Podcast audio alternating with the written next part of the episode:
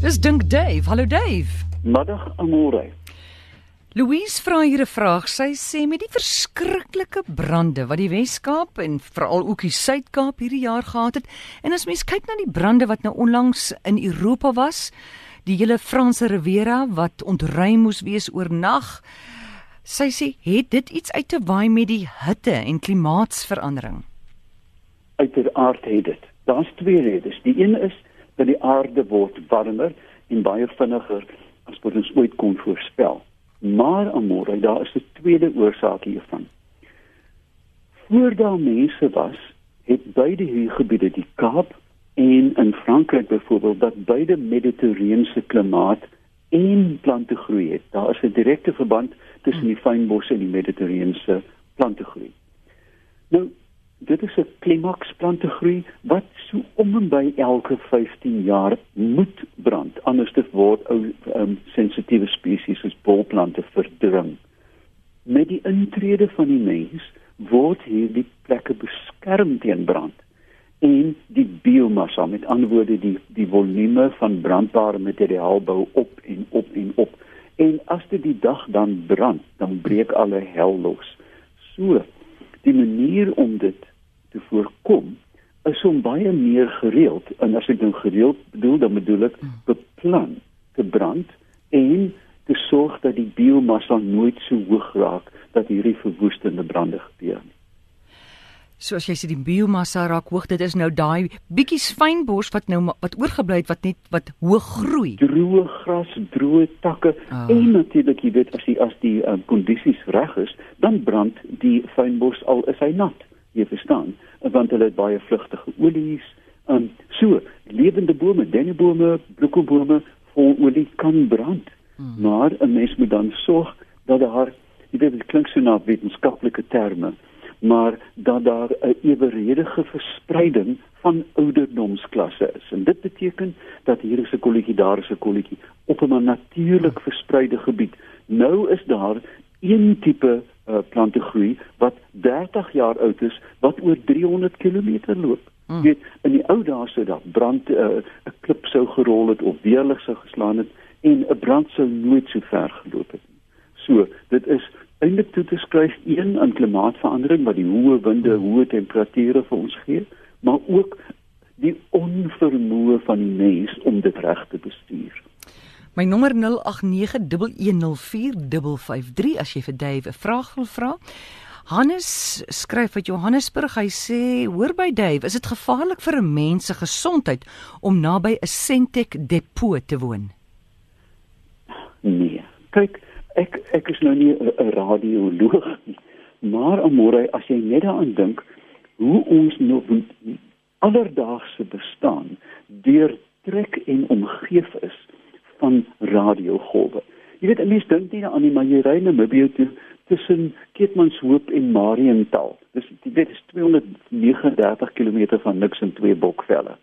En tog is jy die hele tyd in radiokontak. Jou selfoon werk, die radio werk, die polisie se radar, ehm um, ekskuus ek moet hierdie ding daar kom doen. En as jy in 'n stad rondloop, kan jy jou indink aan die radiosyne wat om jou woel. Nou, ek dink dat 'n mens vergeet dat jy het afstand die Here, jy het jou jou huis is 'n nagmerrie van 'n radiogolwe. So, as jy knap teen die antenne sou gaan staan, knap teen 'n radioantenne. Ja, kan daar dalk 'n bietjie roereiers in jou brein kom, maar ek dink nie normaalweg om naby aan 'n hoogspanning draad te bly of 'n radiosender het enige bewese uitwerking op die mens se gesondheid nie. Goed, ons vat 'n oproep. China tyd, goeiemôre. Môre, môre, môre, môre, Dave, dis Henny hierso vanuit Naag. Hallo. Uh Dave, ek wil graag weet 'n malva plant. Wat is daar in 'n malva wat slange heeltemal afsit dat hulle nie naby dit kom nie? Want my oupa het my vertel van ehm um, 'n voeltjie wat uh, sy sy kleintjies in die nes beskerm het deur 'n malva blaar of iets op die nes te sit toe daar 'n slang in die boom was. Wat wat is daar wat wat wat slange heeltemal afsit? Ek luister by die radio. Goed, dankie. Charlotte, hallo. Dis 'n baie baie interessante Oeps. vraag. Uh, kom ons begin by die voeltjie wat die blare in die nes sit. Dit is wel bekend dat byvoorbeeld witkruisarende, daai majestueuse arende van ons berge, dat hulle net voor hulle eiers lê welriekende of stinkplante in die nes pak en dit verhoed dat parasiete natuurlik uh, op die jong kuikens kom. Is dit interessant? Mm. Hulle gaan pluk en, en onder andere ook van die malvas. Nou, in die familie um, van malvas uh al die al die vertoon malvas in die wêreld kom uit die Kaap uit. Het jy dit geweet almal uit daai nee. pragtige Duitsland en al die blombakke in Europa kom van ons af. Um, ons is net te damn sleg om die goed self te ontwikkel. Dis die slim Hollanders natuurlik. Um hoe dit ook al sê.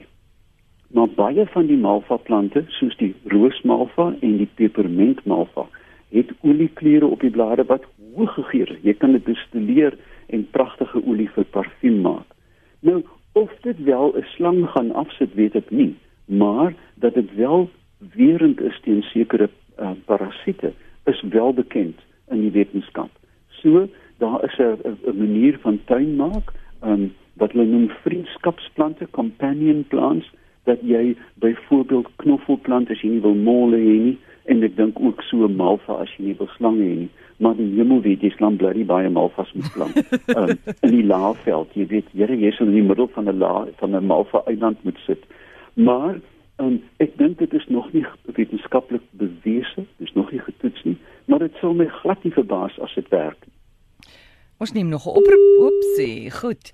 Roan sê hierso, wat dink Dave Peppler van die idee dat uh, deesdae oral lees mens nou, ja, vol beweeg of wat, dat jy hoef nie meer die kursus antibiotika te voltooi nie as jou simptome van daai griep beter word of dis nie meer daar nie, dan kan jy ophou met die kursus antibiotika waar aptekers en dokters altyd vir jou sê voltooi die hele kursus. Ooh, jy moet wag. Nou nou ek, ek gaan nou net my eie indruk onthou nou aan môre dis wat ek dink dis nie wat die dokters net nie. Mm. Kyk in my ouma Lily se tyd. Uh wat nou jy weet in my lewe nie lank terug was nie in joune. Baie lank. Ehm um, kon 'n klein wondjie jou doodmaak. Jy weet daar was altyd hierdie verskriklike vrees klem in die kaak, jy weet en al sulke goed. Um, en ander siektes. My ouma het gesê as jy met 'n nat kop gaan slaap kry jy stinkneus. Ja, ek het nagmerries gehad. Maar in elk geval toe met die Tweede Wêreldoorlog kom penicilline, um, wat 'n omkeer veroorsaak het in die behandeling van bakterieële infeksies, want kyk, jy kan nie 'n virus behandel nie. Mm. Um, met ander woorde, toe die gereelde gebruik, soos die gereelde gebruik van enige medisyne, ontwikkel die organisme mutasies uh, wat effektief dan uh, weerstand bied wat wat meer gevaarlik is is natuurlik verskillende organismes van hierdie weerstand kan oordra na ander organismes.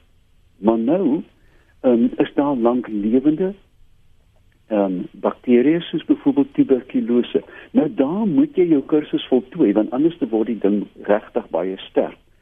Maar ek begin die sin sien daaraan dat vir as jy te lank aanhou met antibiotika by 'n gewone sal ek net maar sê redelik onskuldige bakterium gaan die dink na gaan hulle vinniger weerstand opbied as wat jy net dit behandel totdat die simptome verdwyn. Nou, ehm um, hierdie werk is in die, in die, in die, ek dink dit is in die British Medical Journal gepubliseer. So dis nie liewe net 'n ou storie nie. En as jy net teruggaan, dan sien jy dat die waarskuwings hierteen van van die langdurige gebruik van antibiotika kom van 1999 af is daar reeds gewaarsku. So, um, ek dink 'n mens moet versigtig omgaan en hierdie is my nog 'n bewys van volkswysheid wat eenvoudig aanvaar word en niemand bevraagteken dit nie. Jy weet, dit is soos filosofie en geloof en politiek. Jy aanvaar net eenvoudig dat die status quo is geruit, uh, is um korrek, mm. sonder dat jy ooit wesentlik en, en sê maar ek glo nie wat ek hoor nie kom verduidelik my hoekom en nou dink ek gaan daar baie baie navorsing wees om dit empiries te toets en te sê goed ons vat 'n toetsreeks van organismes stel hulle bloot vir kort en lank en kyk wat gebeur ek het 'n vermoede hier steek waarheid in dat jy nie die kursus by antibiotika hoef te voltooi nie nie hoef te voltooi nie dit sê jy byvoorbeeld iets het soos gonorrea of uh, tering mm. Ja. Uh, jy weet wat wat werklik taai organismes is en jy redelik lank moet hamer aan hom. Maar die standaard ding soos 'n hoes na uh, verkoue. Um, gaan ek nou vir my dokter in. Ek dink wat 'n mens moet doen is om jou dokter te vra, het jy dit gelees? Het jy dit opgevolg en wat dink jy? Want iemand moet jy vertrou. Goed, ons neem nog 'n oproep. Charlotte, hallo. Môre? Yes. Middag, Sakkie van Kreersdorp. Ek wil graag met vir Duif 'n vraagie vra. Dink sakkie. Duif, ek lees net gisterand ehm um, dat daar in ongeveer 1895 'n brand soortgelyk aan wat nou in Nysna gebeur het plaasgevind het in dieselfde gebied wat ongeveer oor 600 km gestrek het of myl. Ja. En dat daar van die boere by Nysna is wat berig het dat alles wat hulle het vernietig is daai brande. Is jy bewus daarvan? Ja, nee, ek weet van die ou geskiedkundige brande. Kyk, die die die die beste werk wat ooit hier gedoen het wa- was deur 'n professor Wigt, um, wat ek nog geken het. En hy het oor dekades lank um brandsiklusse bepaal in Jonkershoek en gekyk wat die invloed is op water. Jy verstaan? Ja. En dit is hoe daar bepaal is wat die optimale brandtydperk is vir vir fynbos. Dis hy. Um, maar onder die regte toestande en jy weet uh, ek dink die grootste voorbeeld hiervan is Australië waar hierdie brande oor duisende kilometer nie honderde nie duisende kan wees. Ja. Um, jy weet daar kom net eenvoudige dag waar die humiditeit nul is, die suidooste wind waai teen 60 knope en dan weet jy voor jou siel gaan niks om stop nie. Maar Dis dit is die buitengewone. Die Engelse noem dit the event. Jy weet en, en dit is soos 'n vulkaan, 'n tsunami, 'n aardbewing. Mm. Ehm um, maar in die normale uh, wat die Duitsers so mooi sê, die stand der dinge, dink ek vra die fynbos af dat ons dit beter moet bestuur in meer beheerbare eenhede dat 'n brand nooit so ver kan gaan nie. Want kyk Dis- onder hierdie omstandighede gaan 'n brandbaan net mooi niks doen nie. Jy weet, Ja. die die vonke word 4, 5 km gegooi. Ek het dit al gesien. So Dis hy. mense moet dan onderskei in die geval van jou vraag tussen hierdie buitengewone voorkoms en die normale siklus. Ja. Net 'n net 'n laaste opmerking. Ek lees ook daar dat die ou praat van geelhoutbome van ongeveer 30 voet in omtrek Ja, wat totaal vernietig is. Is was hulle regtig so groot? hulle was so groot, um en ek dink ook, kyk, daar is natuurlik 'n uh, volkswysheid wat sê dat dat immergroen woude brand nie. Nou, Hmm. in die algemeen is dit waar, jy weet dit is kolletjies teen die berg. Maar ek het ek twyfel baie daaraan want ek sien dit nou in Angola want hierdie die woude loop reg deur Afrika, die sogenaamde Afrika bergwoude. Ja. indien die brand gereeld en intens is, knaag hulle aan die kante van hierdie bome. Nou, ek sal 'n bietjie gaan navors, maar jy weet, miskien weet jy nie dat die spoorlyn tussen George en Mosselbaai is in die Hmm. ou dae met geelhout dwarsleers gebou. Juis Wat sê dit dit was so algemeen? Dit Ai. word ook daar genoem. Jy sien, Hulle sê hoeveel miljoen dwarsleers is daar gemaak. Ekskuus tog ek val u in die rede. Nee nee, maar maar Hmm. dit beteken dat hulle was algemeen en baie groot. Want kyk, ja, as jy jou hand in 'n bakkie stik en as drie letters en een is groot, dan vat jy hom en jy kan verwag dat hulle die grootes eerste gesaag het. Hoe presies Ja. groot hulle was, ek weet daar's nou nog magtige bome, maar Hmm, hmm. die hart van die woud is uitgeruk in die laaste. Dave, ek wil gou by jou hoor. Is daar 'n inheemse Suid-Afrikaanse boom wat wat wat glad nie hou van brand nie, wat wat 'n brand kan Ag, jy weet wat ek bedoel. Staan. Ja. O ja, nou, baie. Hmm. Kyk, daar is baie van die van die proteas, ehm um, waarboom byvoorbeeld. Jy weet hy kan brand vat. Ehm um, daar is van die laafveldbome, baie van hulle is brandbestand. Hulle is dik kurkagtige bas. Ehm um, en maar hulle kan 'n grasbrand vat.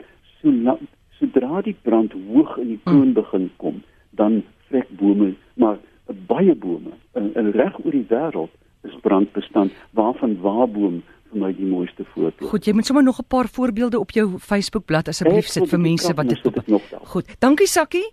Dankie. Goed. Hy- Totsiens. Dave, dankie aan jou. Ons praat Ek weer. het vir 'n oomblik gedink ek is sakkie. Um, Goed, ja, want hy's Lekker aand. amper so oulik soos jy. Goed. Dankie. Dit was Dave Peppler.